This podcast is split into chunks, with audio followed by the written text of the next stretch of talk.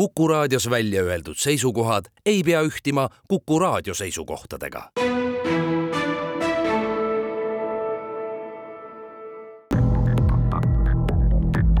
krimiraadio, Krimiraadio tere taas, eetris on värske Krimiraadio. nagu ikka, on stuudios ajakirjanikud Raul Ranne ja Karel Reisenbuk ning äh, eksperdina on meil abiks endine tipp-politseinik, poliitik ja kirjamees Andres Anvelt. Tänase saate esimeses pooles äh, räägime rasketest isikuvastastest kuritegudest. Need on siis tapmised, eluohtlikud ründed ja ka muud traagil-, muud traagilised juhtumid, mis siis äh, viimastel nädalatel on ühiskonda vapustanud aga vaatame otsa ka värskelt äh, ilmunud äh, möödunud aasta kuritegevuse statistikale just nende kuritegude osas ja täna aitab teemat lahata mm,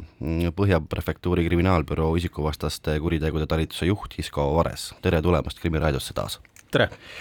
Isko Vares, kui teile sobib, vaatame üle paar juhtumit, mis on just nimelt viimasel ajal enim ühiskonnas kõlapinda tekitanud ja vastukaja saanud kõigepealt sellest karmist loost, kus eh, Põhja prefektuuri mm, kriminaalbüroo isikuvastaste kuritegude talituse inimesed on ka suuresti abiks. jutt on siis eh, juhtumist, kui viiendal veebruaril leiti Läänemaalt Suure Lähtrus vastsündinud imiku laip. kuidas selle asja lahendamine on edenenud? tere veel kord, et töö käib aktiivselt, toimetame koos Lääne prefektuuri ametnikega ja praegu jah, midagi niisugust uut ja põrutavat avalikkusele öelda äh, kahjuks ei ole, aga, aga töö käib. kordame üle siis, mis on teada seni või mis asjaolud, mis seal juhtus ja, ja, ja kus me omadega oleme? No kõigepealt ma tahan õiendada ühe nurga ära, et, et seda uurimist tegelikult veab ikkagi Lääne prefektuur ja Haapsalu politseijaoskond, et mhm. meie siit põhjast oleme neile lihtsalt abiks läinud oma mõtetega, meil lihtsalt võib-olla natukene rohkem tulenevalt meie asukohast kogemusi selliste suurte raskete menetluste läbiviimisel aga, aga tänaseks jah, oleme siis jõudnud nii kaugele, et äh, meil on olemas äh, äh, siis beebi äh,, beebi DNA ja, ja ka beebi ema DNA ja, ja tegelikult äh, praegu kontrollimegi, et kuskohast äh, võiks see beebi ema pärit olla ja, ja, ja ka samamoodi beebi siis jah no selliste traagiliste sündmustega, eriti selliste sündmustega, mida ikkagi väga tihti Eestis ei juhtu, kipub olema nii, et seda kuidagi müra ja, ja sellist ähm, informatsiooni, mis võib-olla päriselt tõele ei vasta, on palju, loomulikult ootate inimestelt ju ka äh, vihjeid,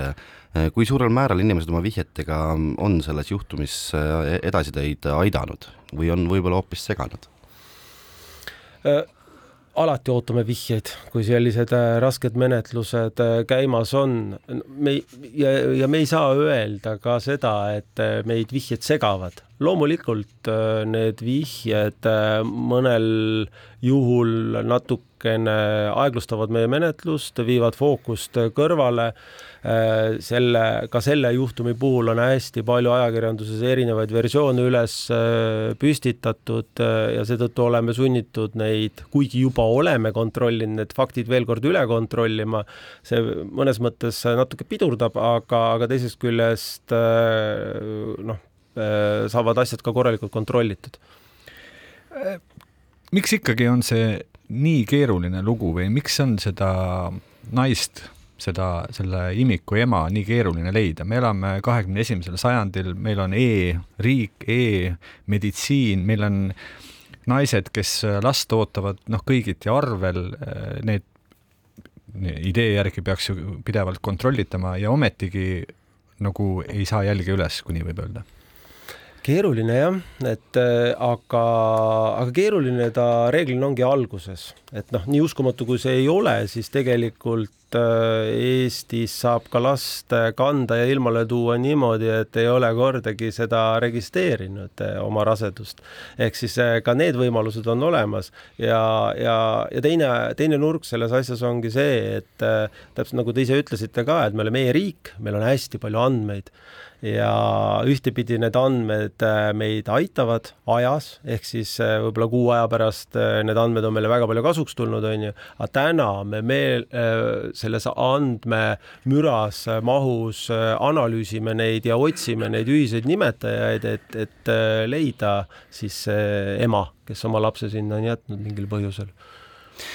Andres, selle juhtumi puhul on sageli veetud ikkagi paralleele ka kahe tuhande viieteistkümnenda aasta sügisese juhtumiga, kui siis Võrumaa metsast kõrgepingeliini sihilt leiti samuti surnud imik. jäi seegi juhtum lahendamata paraku, lapse ema leidmata ja tegevuse motiivid selguseta. meenub sulle, Andres, oma karjäärist veel mõni säärane traagiline lugu? jaa, tere ka minu poolt Ehm, kindlasti neid lugusid on olnud ridamisi, midagi ei ole teha. eriti üheksakümnendatel, äh, kui noh, see, mis Hisko ütles, et meil on neid e-andmeid väga palju, siis ei olnud. ja eks isegi on satutud äh, ka sellistesse olukordadesse näiteks, kus sa teed äh, mingisuguses talus läbiotsmist näiteks ja sa leiad sealt lapse või kaks, kes on tegelikult riigile täitsa teadmata mm. -hmm. Nad on seal sündinud, nad on seal üles kasvatatud, Ehm, üks selline tõsiasi, mis eh, alati selliste laste laipade puhul on, et noh, midagi ei ole teha, kõigepealt esimesed kahtlusalused ongi tegelikult vanemad mm, -hmm. kes on siis selle lapse kas kogemata või väga kahju, aga tihtipeale ka meelega ära tapnud, noh, neid lugusid eraldi ta välja tuua, aga aga võib-olla natuke kaugemast ajast, kui veel Alar Kirs, kes nüüd kadunud on, meie juurest lahkunud, tubli prokurör aastakümneid, ühes teises saates rääkis lugu veel ütleme niimoodi ennem Eesti Vabariigi taasiseseisvumist ja Nõukogude ajal, kus kus täpselt samuti lihtsalt üks ema Järvamaal oma lapse äh, oma lapse uputas tegelikult ja selles asjas jõudis mitu inimest ennem kinni istuda, kui see ema uh -huh. lõpuks jõudis äh, selle ülestunnistuseni, mida see prokurör üksinda uskus, sellepärast et keegi ei uskunud, et nii korralik ema, korralik ema, mitte alkohoolik ega midagi sellist, suudab oma armastatud lapse lihtsalt sellepärast ära tappa, et ta tal närvidel käis hmm. ja naabrimees vangis istuda mitu kuud, keda, kes oli kunagi lapse vilastamise eest, nagu öeldakse, taga otsitud. Hisko, kuhu praegu ikkagi need otsingud on jõudnud või kus te hetkel nüüd selle suure lähtrus leitud imiku ema otsi-, otsite või kui, et võtta nüüd siis ajakirjanduselt ära võimalikud spekuleerida ja kõikvõimalike versioonidega siin lehte müüa, siis tegelikult reaalsuses noh, kust te otsite või kellega võiks olla tegu või kui palju te üldse sellest rääkida saate muidugi, jah? no need on ikkagi uurimisversioonid, mille, millest ei tahaks praegu rääkida, aga, aga tegelikult äh, mida ma tahaksin öelda, on see, et, et jah, kui vanasti meil varasematel aegadel väga palju ei olnud neid massandmeid, võib-olla ei tehtud nii palju ka teadust, et täna me saame läbi nende DNA-de ja, ja, ja geenide erinevaid, eri, erinevat teadust sisse tuua uurimisse ja see on noh, ise, iseenesest kurb sündmus, aga meie jaoks on see üliäge võimalus leida uusi, uusi teemasid, kuidas avastada kuritegu mm, -hmm. võimalikku kuritegu. no selge on see, et äh see politsei ressurss ei ole lõputu, kui ei õnnestu ikkagi seda ema leida, kui ei õnnestu lahendust sellele saada, siis äh, ühel hetkel tulevad otsing, tuleb otsing ju ähm, ära lõpetada. ma küsin, et millisesse nii-öelda menetluslikku seisu sellised traagilised äh, juhtumid äh, jäävad, kui need ikkagi alguses ähm, tulemusi ei anna? no mina julgen küll öelda, et selle loo me lahendame, et äh, kas selleks äh, läheb äh, aega kuu, kaks, kolm, pool aastat, aasta, et aga, aga selle loo me lahendame koostöös siis Lääne prefektuuriga, aga, aga üldiselt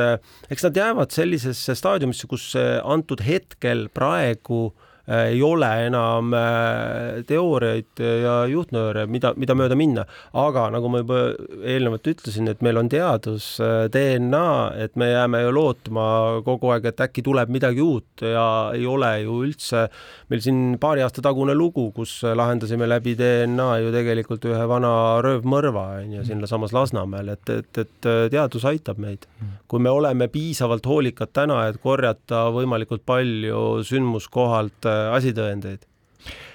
aga teeme siin väikese pausi. krimiraadio, Krimiraadio.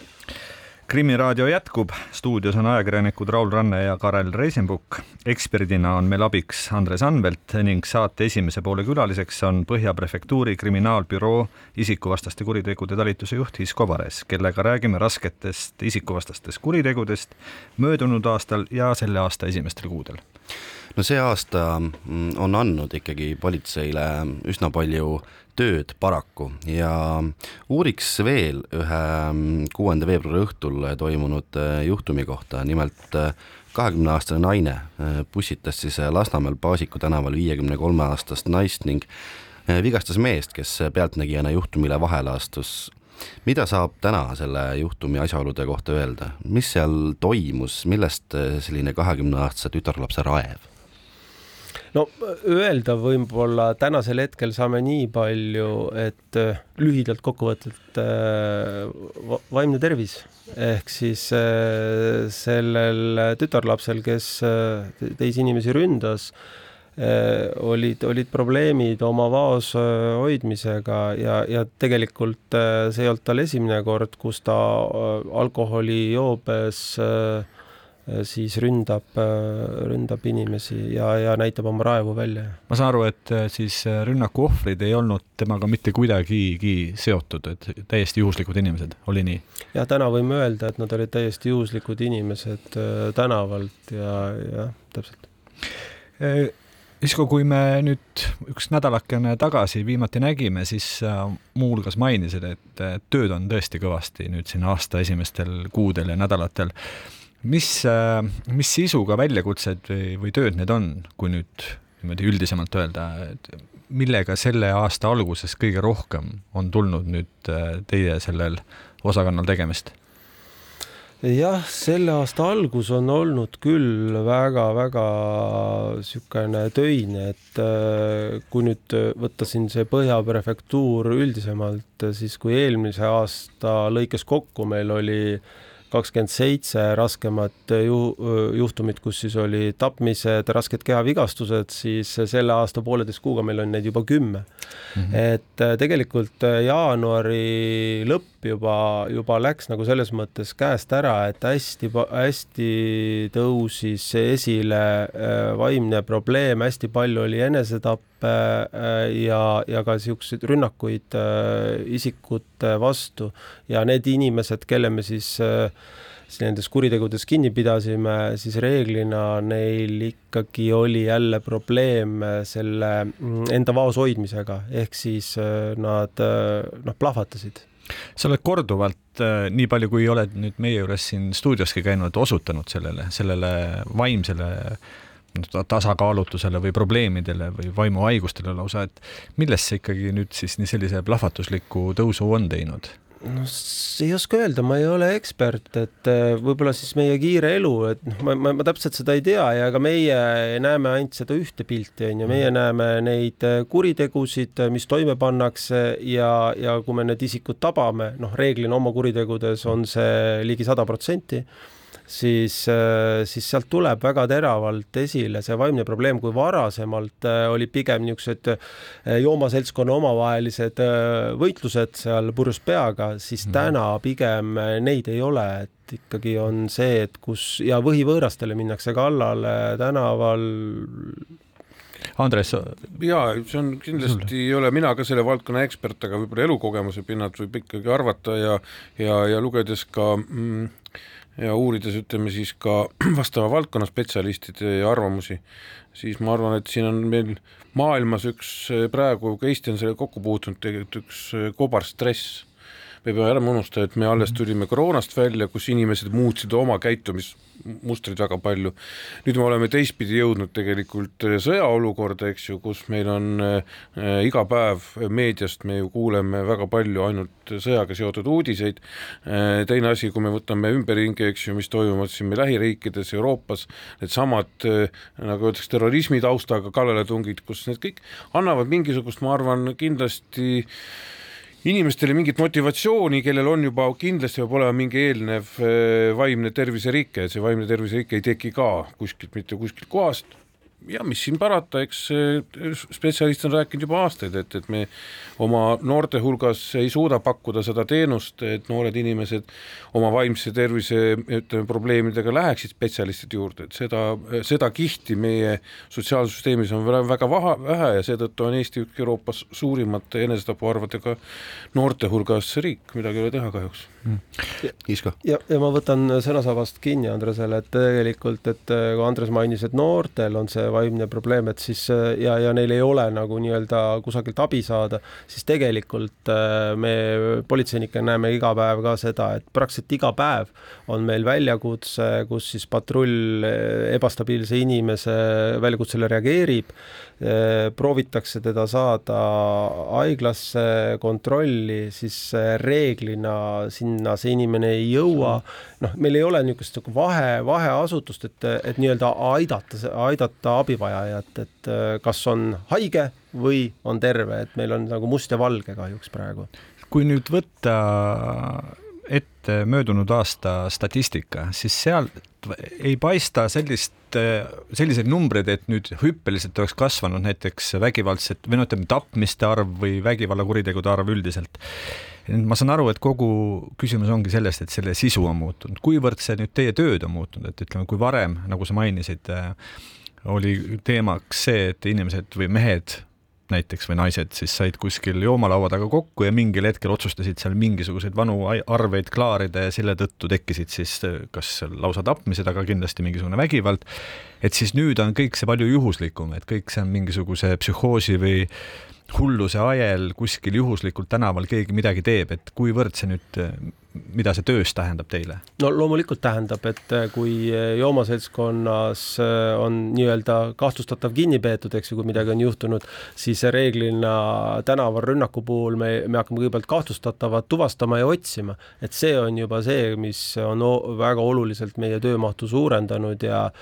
ja olgem ausad, et ega see on need esimesed äh, nelikümmend kaheksa tundi, põhimahv läheb sellele, et, et, et see inimene kiiresti tänavalt ära äh, koristada, on ju, sellepärast et noh, ta on ju ohtlik juba järgmistele inimestele, ta on ohtlik iseendale juba ka tegelikult, et et see on see, mis meil jah, äh, võtab ressurssi hästi kõvasti no sa mainisid, Isko, seda, et äh, tihti need inimesed ei jõua ravile. võib-olla mm, kui hästi politsei, kuidas sulle tundub, on äh,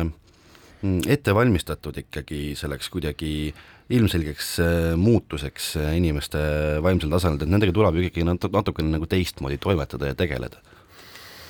Mm,? eks me ka õpime. Et päevast päeva õpime, õpime nendega suhtlemist, õpime nende inimestega tegutsemist, õpime, õpime neid tundma, et meie jaoks on see uus. No ma tahan siia juurde öelda võib-olla äh, nagu kõrvaltseisjana, mitte süsteemis töötajana, et, et äh, Hiskot ühtepidi toetada, teistpidi olla nagu kriitilisem muu maailma vastu, et ega siis politsei ei ole kokkuvõttes ikkagi seltskond Batman, eks ju, kes oskavad kõike teha, et igaüks peab ikkagi saama oma liistudega hakkama ja see, mis ennist oli juttu, eks ju, kui politsei ülesanne on, eks ju, seesama risk või see oht noh, peatada, likvideerida või ütleme, ja edasi anda siis järgmetele spetsialistidele, et see on täpselt samuti nagu tulekahju puhul, et politsei ei pea minema seda tuld kustutama. ma ühele eh, numbrile, ühe numbri kohta, mis siin möödunud aasta statistikas on välja toodud, eh, pööraksin tähelepanu veel, et see on siis väär, väärkohtlemiste üldarv, mis on viis tuhat nelisada nelikümmend seitse, mis muidugi omaette ütleb seda, et meil on veel kauge või pikk maa minna, et olla rahulik Põhjamaa ja see on see number, mis on mõnevõrra kasvanud, täpsemalt siis kahekümne kaheksa juhtumi võrra. mis selle suure numbri taga peitub, mis, mis asjad on meil väärkohtlemised, mida me selle all mõistame ja, ja mis seal omakorda eriti silma hakkab? see on siis kehaline väärkohtlemine. kehaline väärkohtlemine, jah, jah. täpselt, et no jälle, et kole number, aga perspektiivis võiks sealt lugeda midagi ilusat välja, ehk siis suures plaanis on see LSV ehk siis lähisuhtevägivald, see suureneb ja, ja tegelikkuses, mida rohkem inimesed teavitavad, seda rohkem me nendest äh, probleemidest teada saame ja, ja, ja, ja saame ka reageerida. ehk mm. siis jah, number on kole, ilmselt ta veel lähiaastatel tõuseb, aga tänu sellele, et inimesed mm. teavitavad, äh, me saame selle probleemiga tegeleda et see ilus asi, kui nii võib öelda jutumärkides, on siis see, et inimesed üha rohkem teatavad nendest ja, kuritegudest, et, et nüüd on võimalik asjaga tegeleda, sest varem võib-olla number oli väiksem, sellepärast et me ei teadnud sellest no, kõik see toimus nagunii, eks ole. julgen öelda sellest ajast, kui see number kõige suurema hüppe tegi, see oli siis umbes kümmekond aastat tagasi, natuke vähem,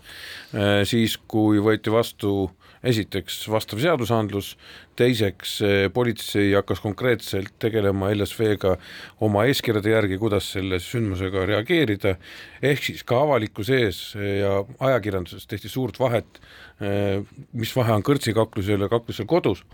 ja siis esimene hüpe oli kuskil kolm-neli korda statistikas, mis tõi hästi palju poleemikat, et mis see niisugune asi toimub, aga ei maksa unustada, et ikkagi ka tänapäeval on selle latentsus, Iska võib parandada, aga minu teada kuskil jääb ta ikkagi sinna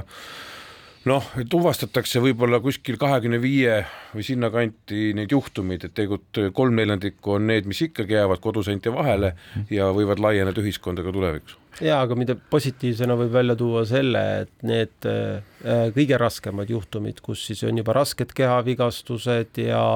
ja või siis lausa surm, et neid jääb aasta-aastalt järjest äh, vähemaks. see on varem, varasem reageerimine tegelikult, tänu sellele ongi. täpselt Nendest vaimsetest häiretest ähm, veel rääkides, siis äh, tihti on selliste, ähm, sellise vaimse ebastabiilsuse käivitajaks ikkagi mõni äh, ravim või, või narkoaine, et, et äh, mm, kas te olete märganud ka mm, võib-olla seda selle põhjusena? Äh, kusjuures jah, et tegelikult äh, kui me võtame nüüd eelmise, võtame selle aasta alguse juhtumid, mis meil olnud on ja võtame need kõige raskemad juhtumid, tapmised, äh, siis võib öelda tõesti, et seal on kas kunagi juba ammu-ammu aega tagasi narkootikumidega algust teinud inimesega või siis praeguse tarvitajaga ja siis sinna tuleb see kombo stress, alkohol lisaks juurde ja, ja, ja niimoodi nad hetke ajal nii-öelda toimetavad et ainetel on, on oma osa täiesti sellel. ainetel on väga suur osa sees. ja siin on nagu ka äh,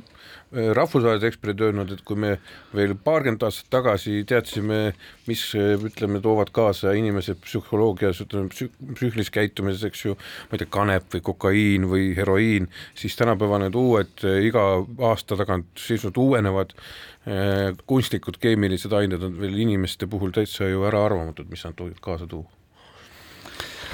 aga äh, järgmises äh, saate osas me hakkamegi lähemalt äh, rääkima just narkootikumidest ja, ja, ja milline hull seis tegelikult nendega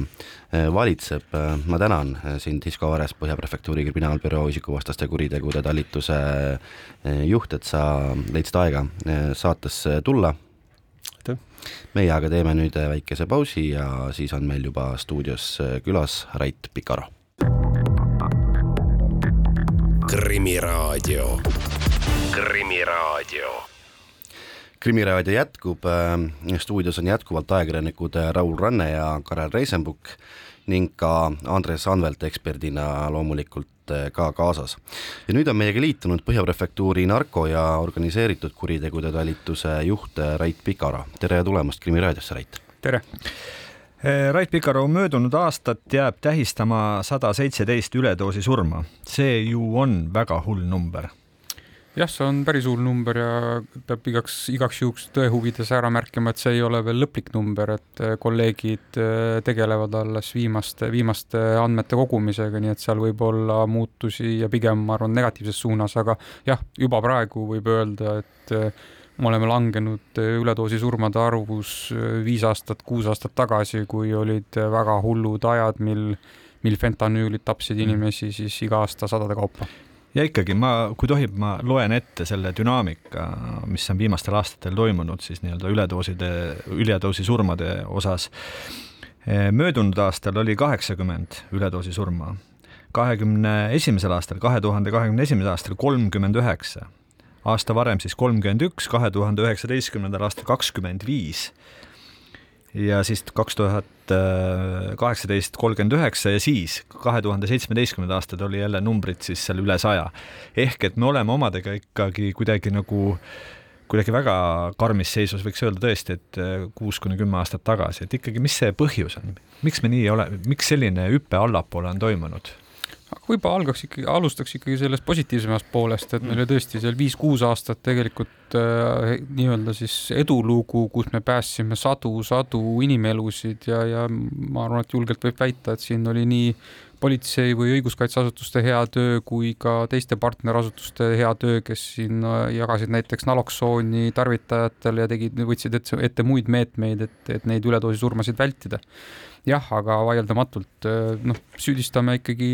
kurjategijaid, kes on äh, siis kahe tuhande kahekümne teise aasta keskpaigast äh, turule toonud siis uue ainete rühma, niinimetatud nitaseenid, mitmed vormid, mis siis sarnanevad oma toimelt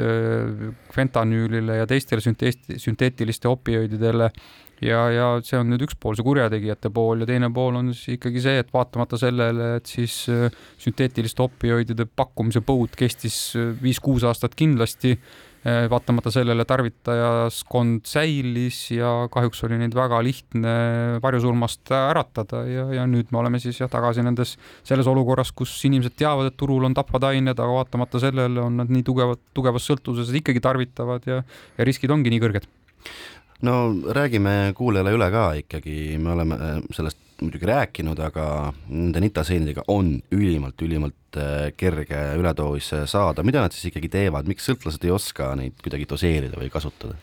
Ja siin jällegi kurjategijad toovad eh, turule erinevaid eh, nende ainete variatsioon, variatsioone ja, ja eriti kurvad eh, hetked on meie jaoks olnud need, kui nad on suutnud siis välja töötaja, töötada sellised ainete vormid, mis ei ole Eestis ka keelatud olnud, et, et siin paar aastat tagasi tõesti oli, oli üks nitaseenide vorm turul, mida tegelikult võis vabalt müüa, vabalt käidelda ja ükski seadus seda ei keelanud, kuna ta oli mõnevõrra muudetud keemilise koostisega ja, ja noh, sellest hakkabki kogu see, kogu see problemaatika pihta, et erinevad partiid on erineva siis toimeaine sisaldusega, erinevad ahela osad käitlevad või lisavad sinna, sinna ainele erinevaid selliseid komponente, segavad neid oma põlve otsas kokku ja, ja sellepärast ongi iga doos, mida tänaval müüakse, võib olla erineva toimeaine sisaldusega ja sellepärast ongi, kui me räägime nii mürgistest ainetest, siis seal tõesti täiesti õige on öelda, et ühe tera sattumine või ühe tera rohkem sattumine sinna tarvita-, tarvitatava doosi sisse võibki olla surmav. Et tera, see tähendab, et kõik need kogused ongi umbes sellised suhkrutera suurused või ütleme, doos siis on seal paar-kolm suhkrutera ja kui seal üks terake rohkem on, siis juba ka räägime üledoosist. jah, et üldiselt müüakse jah, sellises nii-öelda fooliumisse, foolium tükikese sisse mähituna ja tõesti võetakse siis suuremast, suuremast hulgast ainest ja, ja, ja toimeaine äh, aine satub sinna täiesti suvaliselt nendesse, nendesse tänavadoosidesse ja silma järgi ei ole võimalik eristada, mis on nüüd see surmav kogus ja mis on tavapärane kogus. no Andres, sul on siin lisada omast kogemusest? ma võib-olla äh, Rait kindlasti saab paremini seda kommenteerida, aga oma äh, kogemuselt äh, siis nii kriminaalpolitseis kui ka hiljem äh, äh, ministrina, kui Eesti oli kahjuks selles samas narkodooside, üledooside edetabelis, Euroopas oli, olime vist korraks teisel kohal, Norra oli millegipärast ees meil aga, aga siis sai ka suheldud Ameerika kolleegidega ja tegelikult mida sai tõdeda, noh, mispärast Ameerikas oli lihtsalt samal ajal kui meil oli fentanüüli plahvatus, oli ka seal ainuke asi, mis nemad võrdlesid, et nendel päevas saab üledoosi sama palju kui meil kogu Eestis. et üks põuingu täis, nagu nad ütlesid. aga, aga mis see üks teine asi, mis äh, mul oleks ka huvitav kuulata, kuidas, kuidas Rait sellesse suhtub või mõtleb, aga mida ma siis tol ajal oma kolleegidelt ja selle mure lahendamisel aru saime, et, et muutunud on ju tegelikult äh, äh, täielikult ka narko siis selle põrandaaluse äri olemuse, et, et kui vanasti olid, eks ju, grupeeringud suured, ameeriklased seisid vastamisi kartellidega, siis need moodsad tänapäevad fentanülist alates kuni nende teiste keemiliste selliste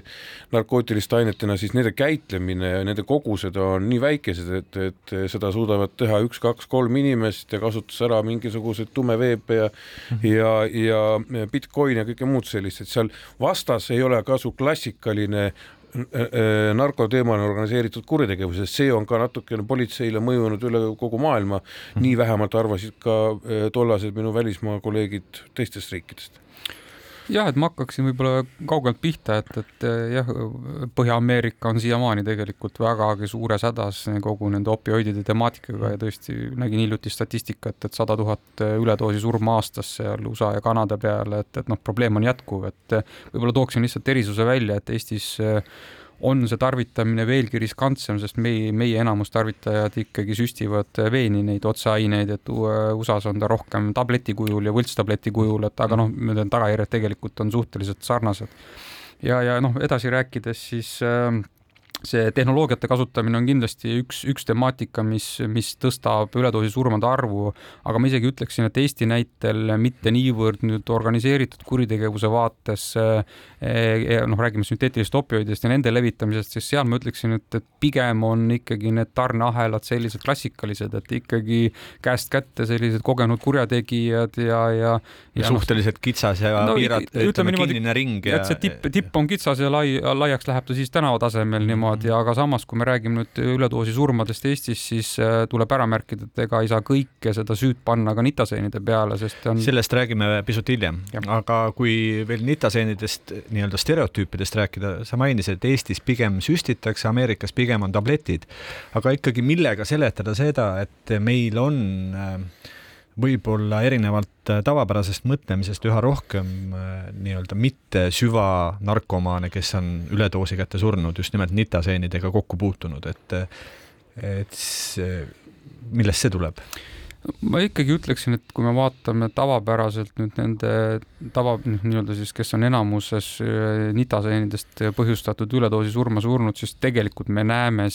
näeme seal äh, ikkagi sellist äh, juba taustaga tarvitajat ja, ja noh, kas no, aastatepikkuse tarvitamiskogemusega, et, et kindlasti ei ole üldjuhul nitaseenid need, milleni jõutakse siis kiirelt ja, ja noorte hulgas. aga jah, meil on ka selliseid äärmuslikke näiteid, kus ka noored ja ka alaealised on, on üledoosi surma surnud ja just ka nende sünteetiliste opioidide tarvitamise puhul või korral. aga ikkagi ma ütleks, et, et, et kui me räägime üldjuhus, siis nitaseenide tarvitamiseni ja süstimiseni jõutakse ikkagi selle tarvitamiskarjääri, ütleme siis juba pikema kogemusega. ja kui vastikutest kõrvalnähtudest või toimetest rääkida, siis nitaseenide puhul ju on nii, et naloksoon ei toimi hästi, siin mul kiirabiarstid on rääkinud, et nad neid noh, nii-öelda doose, mis varasemalt piisas, nüüd enam ei piisa ja tuleb ikka noh, piltlikult öeldes kogu kohvritäis ühe sõltlase peale ära kulutada et, et üldse teda nii-öelda elul hoida, et see vastab tõele, eks ole? jah, nii on, see on ka meie kogemus, et, et need uued vormid kipuvad olema endiselt, endisest ohtlikumad, endisest veelgi mürgi, mürgisemad, sest noh, ma arvan, et sellele ongi kuritegelik loogika suunatud, et tuut-, toota veelgi kangemaid aineid, müüa neid siis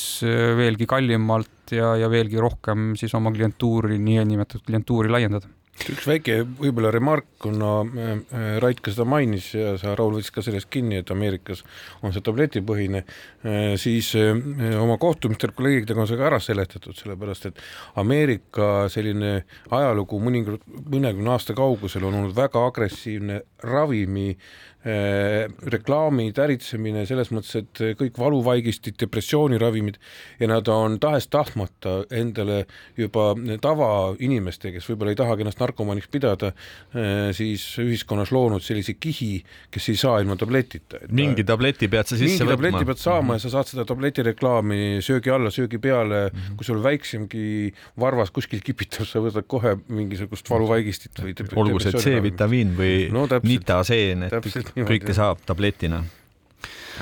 Me kirjutasime Rauliga kahe tuhande kahekümne teise aasta täpselt üheteistkümnendal veebruaril. Mm, loo, et turul on uus üliohtlik tapp ja rääkisime siis nitaseenidest, me tegelikult teadsime, siis olid juba esimesed märgid, oli näha, et, et varsti võib, võib asi käest ära minna, miks me ikkagi näppu sellele peale ei saanud? ma arvan, et see on jällegi mitu põhjust, et äh, kindlasti olid siin mitmed kriisid, mille, mille lahendamisel oli ka kriminaalpolitsei roll üsnagi, üsnagi olulisel kohal ja, ja, ja ma arvan, ka teine pool on nüüd see ikkagi need noh, headeks aastaks, headeks aastateks on seda nüüd palju nimetada, ikkagi üle, iga üledoosi surm on liiast, aga aga need aastad, kus üledoosi surmad olid madalamal tasemel ja, ja neid fentanüüle ja nitaseene ei olnud, siis me saime ka oma fookust äh, sättida muudele ainetele ja ma arvan, et, et, et äh, me me olime noh, liiga sellised lootusrikkad, et, et, et, et, et, seda turgu ei ole võimalik nii kiiresti ellu äratada ja tõesti see ainete, seega nende uute nitaseenide tulek äh, sai meile piisavalt kiiresti teatavaks, aga see kindlasti üllatas, et, et ta nii kiiresti ja plahvatuslikult mõjub ja tagajärjed niivõrd lastavad on. veel enne pausile minekut ma küsiks siis üle selle kohta, et äh, mis need muud üledoosi surmade põhjused on. nitaseenid oli vist umbes viiskümmend seitse, oli see üledoosi surmade arv koguarvust, et aga kokku ju suri sada seitseteist ja võib-olla natuke rohkemgi, kui nüüd äh, täpsustatud andmed tulevad, et äh, mis, mis põhjustas siis järgmisena kõige enam äh, üledoose? ja ma arvan, et see oli tegelikult väga paljuski on põhjuseks segatarvitamine, et väga paljudel juhtudel leitakse peale surma toimu, toimunud uuringute käigus siis noh, sellist ravimite või, või erinevate ainete kokteile, et, et, et väga palju tooni annavad ka niinimetatud retseptiravimid, et esineb nii siis arsti ettekirjutusel tarvitamist koos teiste ainetega kui ka siis ilma arsti ettekirjutuseta ehk siis mustalt turult hangitud retseptiravimite tarvitamist ja ma arvan, et iga sellise aine segamine, miks ka mitte ka alkoholi tarvitamine, samal ajal kui uimastit tarvitatakse, kõik see segatarvitamine tegelikult on viinud riskid veelgi kõrgemale, et kui me vaatame nüüd varasemat seda fentanüülide põhjustatud üledoosi surmade lainet, siis seal ma ütlen peast oli seitsekümmend, kaheksakümmend protsenti oli, olid üledoosi surmadest olid nüüd konkreetselt fentanüülide põhjustatud, aga nüüd on see pilt oluliselt kirjumaks läinud ja, ja, ja sealhulgas on ka stimulantide tarvitajad, on konkat-, kokaiini, amfetamiini, teisi aineid, et, et tegelikult see pilt on üleüldiselt ka kirjumaks läinud ja ma arvan, et see on samamoodi, julgen öelda, üle, üle-Euroopaline trend. aga miks see kõik nii on, sellest räägime pärast väikest pausi Krimiraadio. krimiraadio. krimiraadio jätkub, stuudios on ajakirjanikud Raul Ranne ja Karel Reisemuk ning ekspert Andres Anvelt ja saate teise poole külaliseks on meil Põhja Prefektuuri narko- ja organiseeritud kuritegude talituse juht Rait Pikara Rait Pikaro vastupidiselt üldisele majanduskeskkonnale ja siin toimuvatele äh, nii-öelda liikumistele on äh, kus hinnad on ju hüppeliselt tõusnud ja me räägime hüperinflatsioonist ja kõigest sellest, siis narkootikumide hinnad turul, väidavad asjatundjad, on püsinud ikkagi aastaid samad. millega seda fenomeni üldse seletada? jah, eks kindlasti on siin ka olnud äh, uimastite hindades mõningaid kõikumisi, aga kui me, aga jah, kui me räägime, räägime sellisest üldisest foonist, siis tõesti nad on, on hinnad jäänud samale tasemele läbi, tasemele läbi aastate ja paratamatult tuleb ka tunnistada, et nad on muutunud taskukohasemaks, sest tõesti muu elatustase on oluliselt tõusnud. aga noh, siia juurde ma ikkagi märgiksin ära, et, et meie, meie teadmise kohaselt on Eestis ikkagi uimastite hinnad lähiriikidest, ükskõik kummas suunas vaadata, on ikkagi kallimad, et, et selles mõttes see näitab ikkagi sellist, sellist, et mingisugust sellist taset me suudame hoida, et, et ei ole turg üle ujutatud ja hinnad oluliselt langenud, et aga, aga jah, see, see näitab seda, et et äh, uimastite kättesaadavus on umbes sarnasel tasemel ja, ja meil on veel hulk äh, tööd teha, et, et, et hinnad üles saada ja kättesaadavust veelgi vähendada. suudad sa, Andres, välja öelda, mis põhjusel või mis ajendil meil need äh, narkoainete hinnad on püsinud ebaloomulikult samal tasemel, samal ajal kui muu elu kallineb jõuliselt? no aga ma arvan, siin kehtib ikkagi see pakkumise nõudmise Eh, vahekord, nii nagu kapitalistlikus ühiskonnas ikka ja pakkumist on siis liiga palju, ülepakkumine no,. tähendab, et turul on see olemas Äh, kuna Eesti turg on, ma ise arvan, suhteliselt prognoositav, ka ütleme sellisele äh, narkokuritegevusele, siis nad teavad, äh, millist, millises koguses narkootika umbes on vaja, mõne suurriigi puhul on palju see erilisem, seal aitab juba üksi, kui mingi suur festival on ja siis on narkokogus üleval. nii et ma arvan, see on üks põhjus, mikspärast ta niimoodi on, aga noh, samas on ta kõrgemal kui nagu Rait ise ütles, eks ju, kui siin lähiriikides, no aga kahjuks on ka meil ka keskmine toidukõver kõrgemal kui lähiriikides, aga minul eksperdina oleks võib-olla endal küsimus tõelisele eksperdile Raidile sel teemal, kuna ma olen isegi selle kokku puutunud mm -hmm. siin läbi mõningate lastevanemate ja nii edasi. jah, nüüd hakkab vanainimene rääkima, minu noorus oli lihtne, ma tulin koju, mul olid lõhnad juures ja noh, sain karistada, mis iganes, pandi mulle uks lukku, välja lastud võtame sellesama nüüd Nitaseni, eks, eks ju, ja ma olen ise kokku puutunud vanematega ja mul üks kauge sugulane isegi, kelle äh, viisteist aastat tagasi äh, umbes niimoodi ka laps suri ära, noh, kuueteist-seitsmeteist aastane noormees. Ja nad kõik väidavad nad ei saa aru, nendel ei ole mingit tundemärki, et ta laps on tegelikult eh, narkomaan. juba, juba mitte lihtsalt narkomaan, tükk aega müünud seda ise edasi juba ja tarvitaja. oskad sa öelda mingisugust sellist eksperdi nagu pilguga, et kuidas nüüd seda ära tunda, sest see on see kõige tähtsam, et need lapsevanemad võib-olla jõuaksid oma lapsi päästa või sõbrad isegi jah, ma arvan, et ega see retsept on, on veidi keerulisem, jällegi mitmetahulisem, aga ma hakkaksin väga lihtsast asjast pihta, et, et kui me vaatame neid äh, noori tarvitajaid ja eelkõige siis noori diilereid, keda meie tabame, siis midagi ei ole teha, aga läbiv, äh, läbiv joon on see, et, et ei ole sellist head kontakti oma vanemate, õpetajate ja teiste täiskasvanutega, et nad on kuidagi jäänud oma pead. et ma arvan, et see on nagu üks selline täiesti baasasi, et, et ikkagi kui on hea suhe, siis on arusaadav, kui lapse käitumises on muutused, kui ta hakkab midagi varjama, äh, hakkab, hakkab, äh, ütleme siis vale seltskonnaga äh, läbi käima, tal on sotsmeedia harjumused muutunud, et satub sinna näiteks nendesse narkogruppidesse niinimetatud, kus siis ka uimasteid müüakse, et ma arvan, et selline baas on ikkagi see, et et kas on selline terve, terve ja hea järe, vanemlik järelevalve ja siis hakkame otsima muid, muid selliseid ohumärke, kus laps on uimane, väsinud või vastupidi, ööd-päevad üleval ja ei saa aru, et, et kust see energia tuleb igasugused postipakkide tellimised, selline majandamine, et sularaha, muud rahad tänapäeval, miks ka mitte, kui krüpto kuskilt välja tuleb, et on ohumärk, et, et kust seda tuleb, et et ikkagi, aga ma ütlengi, taandub ikkagi eelkõige sellisele, sellisele heale kontaktile ja peaksime veenduma, et, et kõigil lastel oleks, oleks üks vähemalt täiskasvanu, kellega kas see tähendab seda, et ütleme midagi sellist, noh, ei tohi kunagi üle võib-olla utreerida, aga no näiteks sama, võtame selle Nitasene puhul noh, näiteks see, et on mingi suurenenud äh, söögiisu, joogijänu, et siuksed asjad kodus, mida lapsevanem kohe märkab, et näiteks laps ebaloomulik pilk, äh, midagi sellist. ta ei taha süüa näiteks või joob hästi palju vedelikku või? jah, ma arvan, et need on, need on erinevad sellised indikaatorid, aga noh, ma arvan, et visuaalselt tegelikult narkojoobe võiks iga, iga lapsevanem ka ära tunda, et ikkagi noh, see sõltub nüüd ainet, ainest, mida tarvitatakse, on see siis stimulant Äh, võib, võib jälgida pupilli, võib vaadata, kas pilt on hägune, pilk on hägu, hägune, tasakaaluhäired ja nii edasi ja, ja loomulikult osade ainete puhul väidetavalt tõesti räägitakse ka suurenenud söögiisust ja, ja sellisest äh, kõrgendatud tujust, et, et noh, tuleb jälgida, aga jah, ma ütlen, ei, ei tasu muutuda paranoiliseks, aga, aga tegelikult narkojoove on äratuntav, et ma arvan, et kui keegi arv, kahtleb, kas laps on joobes või mitte, siis noh, tasub küsida ja pole mõtet ka iga näiteks väsimusseisundit kohe neid arv, uimastite arvele kirjutada, et, et jällegi ei pea olema väga suur spetsialist, aga oma last tundes ma arvan, et on võimalik seal seisundist midagi välja lugeda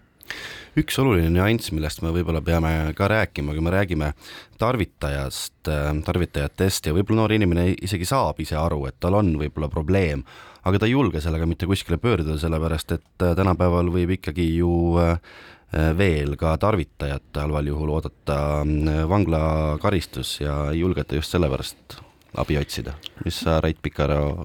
oskad kosta selle peale? ja ma täpsustaks, et võib-olla natuke peaksime siin müüte murdma, et esiteks kindlasti on see, et ainult tarvitamisest vanglakaristusena mitte mingil juhul ei, ei, ei ähvarda, et jah, maksimum on arest, aga minu teada ei ole aastaid enam ainult uimasti tarvitamisest kellelegi isegi Eestis aresti määratud, et me oleme kindlasti liikunud selles suunas, et kui inimene on ainult aineid tarvitanud, siis esimene meie pakkumine ka politseis on, et viia kokku need inimesed siis vastavate spetsialistidega, suunata nad sotsiaalprogrammidesse, kus tegeletakse nende põhimuredega, et, et me täiesti aktsepteerime seda, et et uimasti tarvitamine, sõltuvus võib olla väljendus hoopis muudest muredest, et väga levinud on tõesti viimasel ajal ka näiteks psüühikaprobleemid või, või, vaimse tervise mured, et, et, et see tulekski sellise kompleksina vaadata ja see on ka üks selline täiesti riiklik narkopoliitika suundadest, et, et see ravi peaks ka katma nii-öelda erinevaid, erinevaid siis uimastite tarvitamisega seotud või kaasnevaid probleeme. et kindlasti on see üks, üks temaatika ja, ja kindlasti teine nüüd teadlikkus sellest, et kust siis abi saab, et, et on natukene ka jällegi müüt, et et, et, uimastitarvitajad ongi üksi, mitte kuhugi pöörduda ei saa ja siis kohe, kui teada saadakse, et siis ükskõik kus, et siis hakkab nii-öelda politsei tuleb ja hakkab hirmus karistamine pihta, et, et ma arvan, et siin on näiteks narko.ee on, on hea internetileht, kus tegelikult on mitmeid abi saamise võimalusi ja siin tasubki olla selles mõttes noh, teadlikum ja, ja aktiivsem ja otsida neid võimalusi, mitte, mitte arvata, et kui on keegi uimastite küüsi sattunud, et siis nüüd ongi nii-öelda kadunud hing, et, et meil on kindlasti neid edulugusid, kus, kus saab inimene abi õigel ajal ja mida varem, seda parem ja, ja saab täiesti nii-öelda siis meie mõistes tavaellu tagasi pöörduda. Ja ikkagi, kui nüüd lõpetuseks teemat kuidagi kokku tõmmata, kuidas seda ohjeldamatut äh, narkoorgiat siis ohjeldada, et meil ei oleks vähem narkoüledoosi surmasid ja et meil ei oleks võib-olla sellist ähm,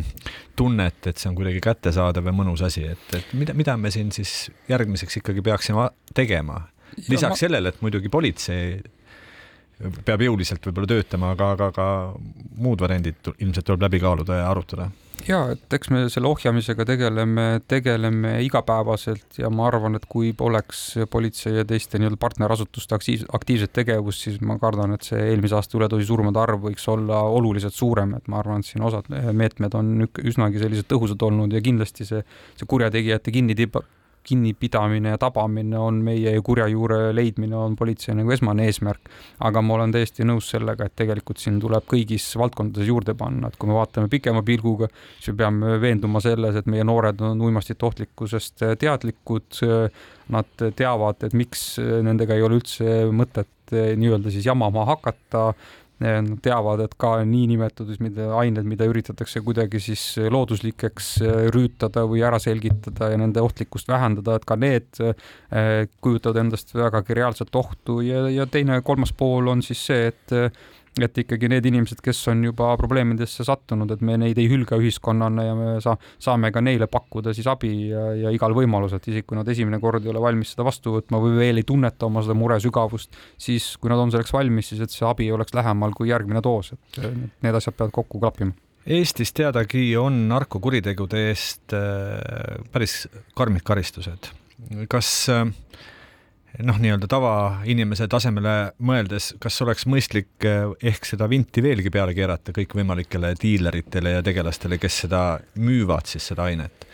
No ma ütleks, et vanglakaristus on äärmuslik, äärmuslik meede ja ma arvan, et me võiksime tõsiselt keskenduda nende, nende noorte sellesse maailma sattumise ennetamisele ja see võiks olla meil igatepidi kuidagi soodsam ja tulude kokkuhoidmine ja, ja ma arvan, et et see karistuse, karistuste määramine, see on esiteks kohtu, kohturida ja ma arvan, et see karistuste karmistamine otseselt ei pruugi meile sellist edulugu tuua, sest need probleemid algavad oluliselt kaugemalt, et me lihtsalt peaksime varem, varem reageerima Raul, ma ütlen sulle endise poliitikuna, see, mis sa rääkisid, oli praegu puhas populism. puhas populism, ei mingit, et jõulisemad eh, ja pikemad mitte karistused kunagi, ei tööta. mitte kunagi ei ole töötanud, Ameerikas on mõrvade arv ikkagi maailmas üks suurimaid, Hiinas on korruptsiooni eest eh, surmanuhtlusega, iga aasta lastakse maha tuhat inimest, ikka võtavad altkäemaksu. no ma proovisingi esitada küsimust, mis võib-olla paljudel noh, nii-öelda tavainimestel on peas, et no mis siin rääkida, paneme aga rohkem inimesi kinni, kes vähegi narkoga kokku puutub ja asi saab puhtaks, aga või plats saab puhtaks, aga nii see ei ole, nagu ma sain ka vastusest aru. aga meie aeg on paraku halastamatu, saade tuleb ära lõpetada, sellega on äh, tänane saade läbi, täname kõiki kuulajaid ja täname saatekülalisi, stuudios olid ajakirjanikud Raul Ranne ja Karel Reisenbuk ning eksperdina abiks ikka Andres Anvelt, järgmine Krimiraadio on eetris juba järgmisel nädalal Krimiraadio. krimiraadio